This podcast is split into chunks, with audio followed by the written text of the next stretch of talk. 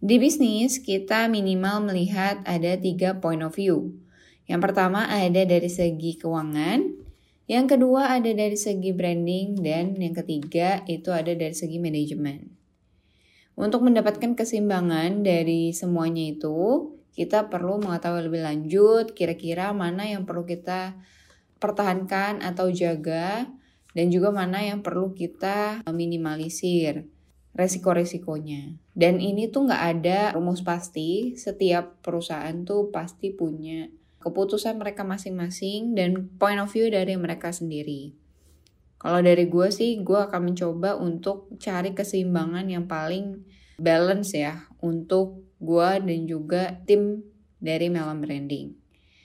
Nah, kita langsung aja masuk ke contoh kasusnya.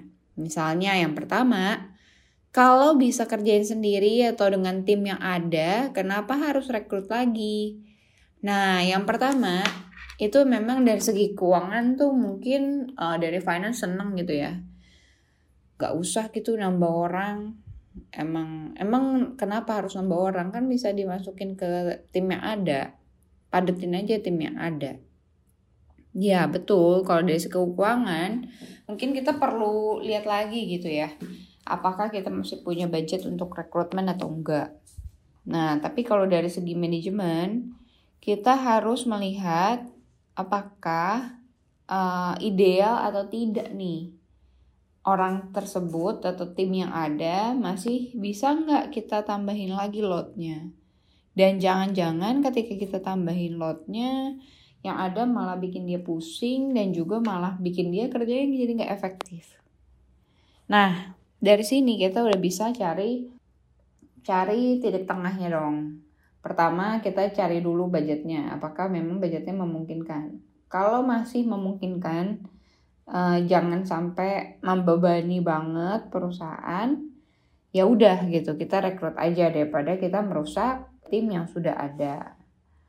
Nah, gimana nih kalau misalkan dari segi keuangan itu mepet-mepet? Gimana cara cuannya kalau misalkan uh, budgetnya mepet banget nih untuk rekrut orang baru.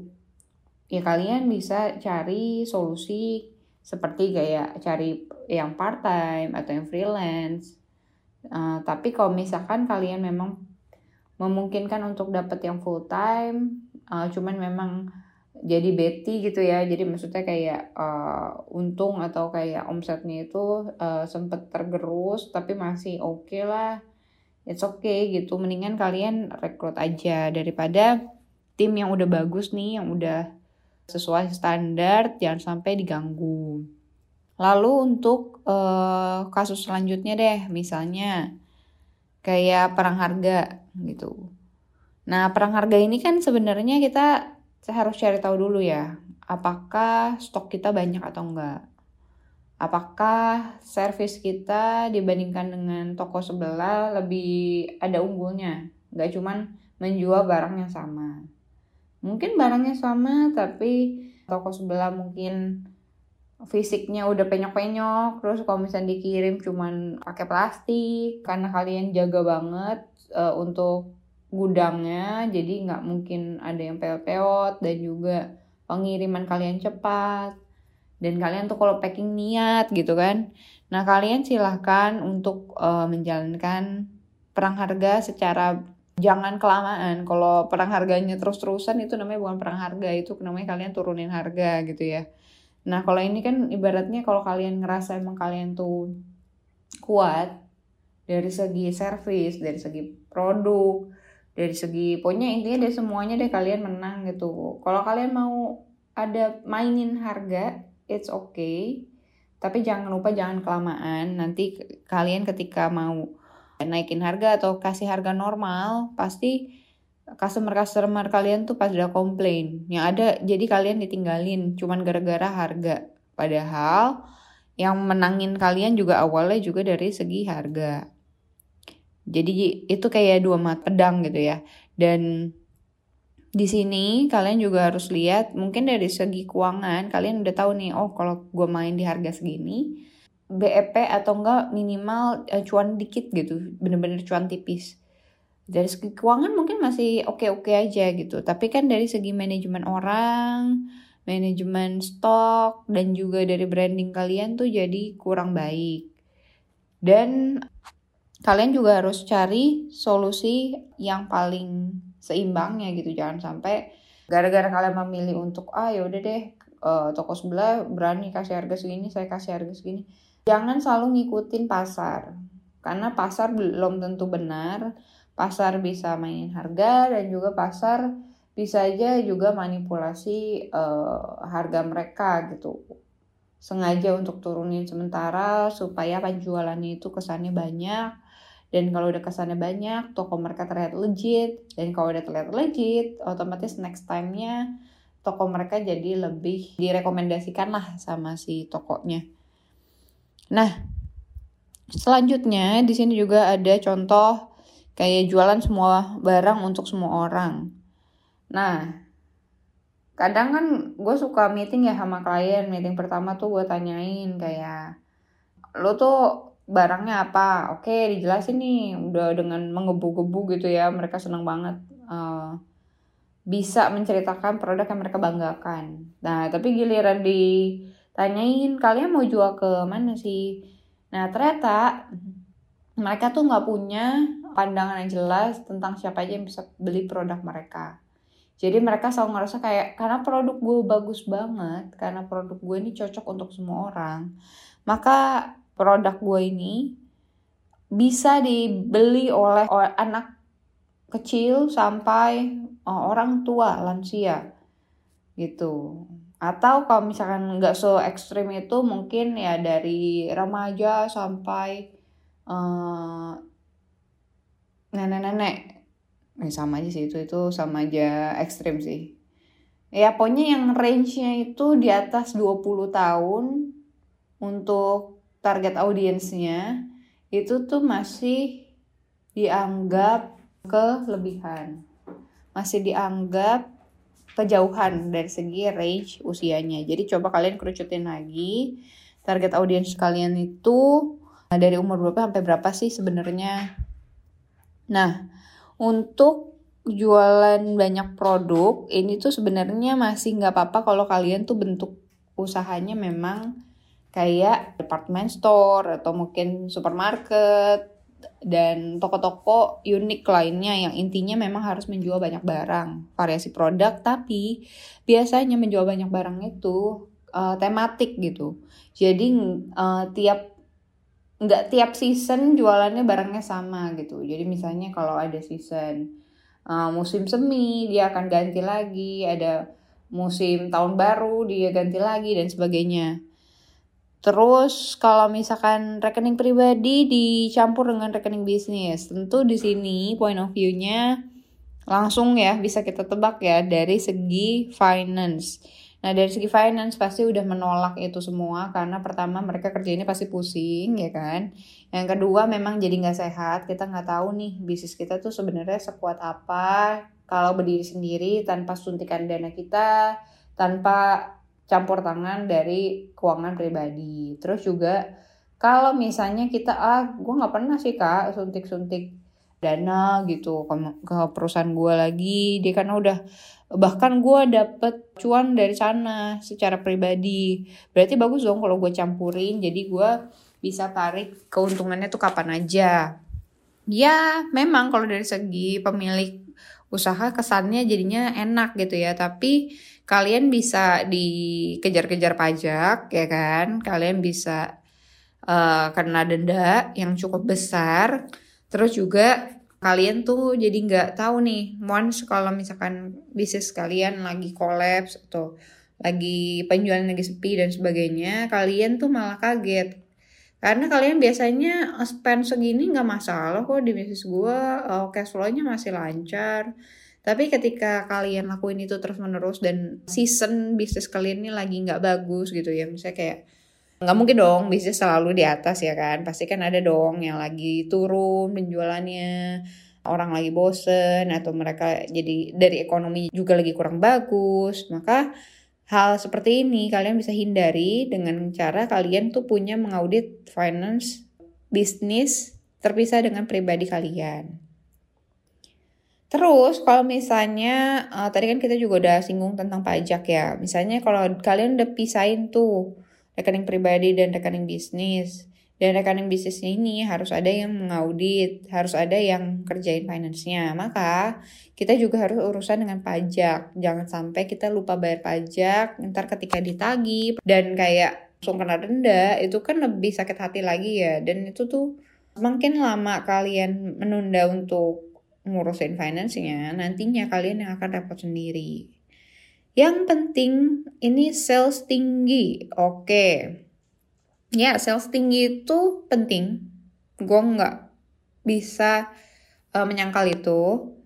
Tapi kalian juga harus ngecekin juga kalian tuh udah punya branding yang kuat atau enggak. Kalian tuh memiliki reputasi atau enggak dari segi perusahaannya. Apakah reputasi kalian bagus? Karena kemarin gue baru aja meeting dengan uh, calon klien yang mereka tuh bisnisnya udah lama gitu, udah puluhan tahun. Terus sekarang tuh mulai ditinggalin gitu. Gue tuh ngecek juga dari segi traffic mereka kayak ibaratnya dari puluhan ribu traffic ke website mereka Lalu habis itu gue cek kan uh, dua tahun terakhir tuh turun turun turun turun turun terus akhirnya sekarang tuh kondisinya udah hampir cuma menyentuh seribu traffic ke website mereka. Padahal sebelumnya itu dari zaman zaman yang lalu uh, mereka tuh udah aktivasi gitu, aktivasi SEO, digital marketing dan sebagainya. Sedangkan di perusahaan lain yang sejenis belum. Tapi karena mereka menggunakan cara lama terus mereka tuh point of view-nya itu tetap di kejayaan masa lalu dan sebagainya. Akhirnya dia jadi nggak mau ngikutin zaman. Entah itu dari segi bentuk revamp websitenya mereka tetap menggunakan website statis. Terus uh, apalagi kan sekarang kan website sudah multi language ya. Oke okay lah kalau kalian nggak mau pakai uh, multi language tapi minimal kalian tuh misalnya mau decide gitu kalian mau pakai Indonesia atau Inggris? Oke okay, mau pakai bahasa Inggris. Kalau gitu carilah uh, copywriter yang memang cocok untuk menulis dalam bahasa Inggris. Jangan sampai separuh-separuh gitu ada yang bahasa Indonesia bahasa Inggris. Dari segi brandingnya juga jelek dari segi SEO-nya juga ngedetectnya kurang uh, maksimal karena kan harusnya dengan satu bahasa saja. Kalau memang mau dibikin dua bahasa ya silahkan pakai multiple language. Tapi dari segi reputasi juga jelek karena tadi campur-campur dan orang yang menulis bahasa Inggrisnya kurang cocok untuk menulis bahasa Inggris sehingga kesannya tuh kayak tidak legit, tidak profesional, maka membuat reputasi kalian juga jelek. Nah, sales otomatis juga akan mengikuti kalau misalkan kita punya branding, punya reputasi, kita punya happy customer gitu ya tentunya sales juga akan mengikuti semakin lama semakin besar. Nah, kalau misalnya kalian nih sebagai owner gitu ya, kalian ngerasa kayak, aduh, tapi karyawan-karyawan gue tuh nggak becus kerjainnya. Iya, tapi itu kalian harus ajarin karyawan kalian karena di mana-mana memang owner selalu lebih ngerti tentang perusahaannya sendiri daripada tim yang dibangun setelahnya. Tapi artinya kalau misalnya karyawan tidak bisa bekerja dengan baik, artinya yang memang belum mengajarkan dengan baik adalah ownernya. Jadi coba dari segi kita nih sebagai owner bisa ngajarin dengan lebih sabar, tapi juga kita harus bisa memantau nih apakah orang ini bisa kita investasiin untuk jangka panjang. Kalau kita ajarin, apakah nanti dia akan berguna untuk kita? Kalau kita ajarin, apakah dia akan udah pinter nih, terus langsung cabut gitu. Kalau misalkan ada potensi seperti itu, tapi ini orang pinter banget dan kita pengen pakai dia, ya silahkan pinter ajarin kontrak gitu supaya mereka punya ada minimal berapa tahun lah untuk bekerja dengan kita dianya dapat uh, knowledge kitanya juga dapat tenaga kerja yang berkualitas Nah, kalau misalnya kalian nih ngerasa transaksi itu kalau udah selesai ya udah customer selesai juga gitu. Ya enggak, tadi kan kita juga udah ngomongin ya tentang kalau misalnya sales itu akan otomatis mengikuti. Karena uh, selesai dengan transaksi atau kontrak tersebut, kita akan tetap harus selalu membangun relasi dengan customer tersebut, baik atau buruknya, sehingga ya coba di sabar-sabarin kalau misalnya memang kalian tuh transaksinya selesai dengan buruk, tapi untuk customer itu jangan pernah ditinggalin dengan apa ya, se dibiarkan seperti itu karena uh, customer yang lama itu masih mempunyai chance untuk memberikan rekomendasi kita ke customer-customer baru nantinya. Terus kalau misalkan nih ada komitmen apa ke klien gitu ya, misalnya ada uh, perjanjian kerjasama, terus kita udah bikin quotation yang oke okay nih dua-duanya udah deal, nah komitmen itu harus ditulis. Karena kalau misalnya nggak tertulis, cuma lisan, by inget doang, nah tim kalian pertama bingung. Kemarin di perjanjian kerjasama kayak gini kok mereka udah yakin, udah baca gitu kan. Tapi mungkin ownernya akan bilang enggak kemarin tuh gue dealnya kayak gini. Kemarin tuh gue dealnya akhirnya seperti ini karena tuh dia mintanya begini begini begini. Iya, uh, kadang kan emang owner lebih ngerti ya uh, dealnya seperti apa. Tapi silahkan diperbaikilah dari segi uh, perjanjian kerjasamanya. Karena kalau misalkan nggak ada pegangan ya dari perjanjian kerjasamanya, nanti kalian ngomongnya juga nggak enak. Ntar kalian pengen ngebuktiin sesuatu tapi nggak ada apa ya pegangan yang kuat gitu. Kalian mau counter apa pun atau bawa misalnya masalah tersebut, jadinya tuh nggak bisa karena memang semuanya tuh dilakukan secara lisan aja nggak ada bukti gitu. Terus kalau misalnya dari segi sales nih, ya kan, dari segi sales kalian tuh karena mau ngejar sales tinggi atau kayak ngabisin barang gitu ya. Kalian tuh ngasih diskon 50%, biar yang penting cepet laku deh.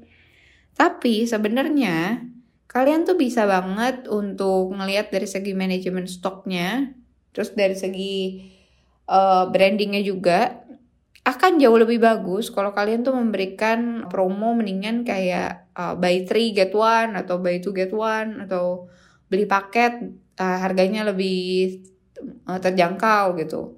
Karena kalau misalnya kalian diskon 50% itu kesannya tuh barang kalian tuh memang cuman segitu harganya. Tapi ketika kalau kalian kasih promo buy two get one, mereka ngerasa kayak masih um, ideal atau lebih masuk akal sehingga dia nggak ngerasa dicuanin lain kali ketika mereka beli gitu. Kalau misalnya dikasih diskon 50%, oh mereka mengira berarti sebenarnya uh, barang kalian ini cuma segini harganya, cuman karena dia lagi pengen ngabisin ya udah deh di diskon 50%. Sedangkan kalau buy to get one, mereka tuh malah ngerasa mereka cuan karena dapat barang lebih banyak gitu. Padahal sebenarnya konsepnya kan sama aja ya. Cuman memang itu kayak psikologi aja sih. Jadi supaya secara branding juga bagus, dari segi manajemen stok juga cepat habis. Kalau emang kalian mau ngabisin barangnya dan juga dari segi keuangan kalian gak rugi juga. Kayak gitu. Itu aja yang kali ini kita mau bahas tentang tiga point of view minimal yang dapat kita ambil dari sebuah bisnis. Jadi mungkin di next podcastnya uh, tolong DM aja ke Instagram-nya at Branding. Coba kalian request aja kalian mau bahas apa di next podcast supaya kita bisa bahas yang memang kalian ngerasa butuhin gitu. See you on the next podcast. Butuh kaos yang desainnya nggak ada di mana pun buat flexing waktu bukber? Foto langsung imprint buat custom baju kamu biar acara flexingnya makin mulus. Aduh, mau first date tapi rambut geradakan banget. Eh, tenang-tenang. Haircare Studio bisa nyulap rambut geradakanmu jadi oke okay waktu first date.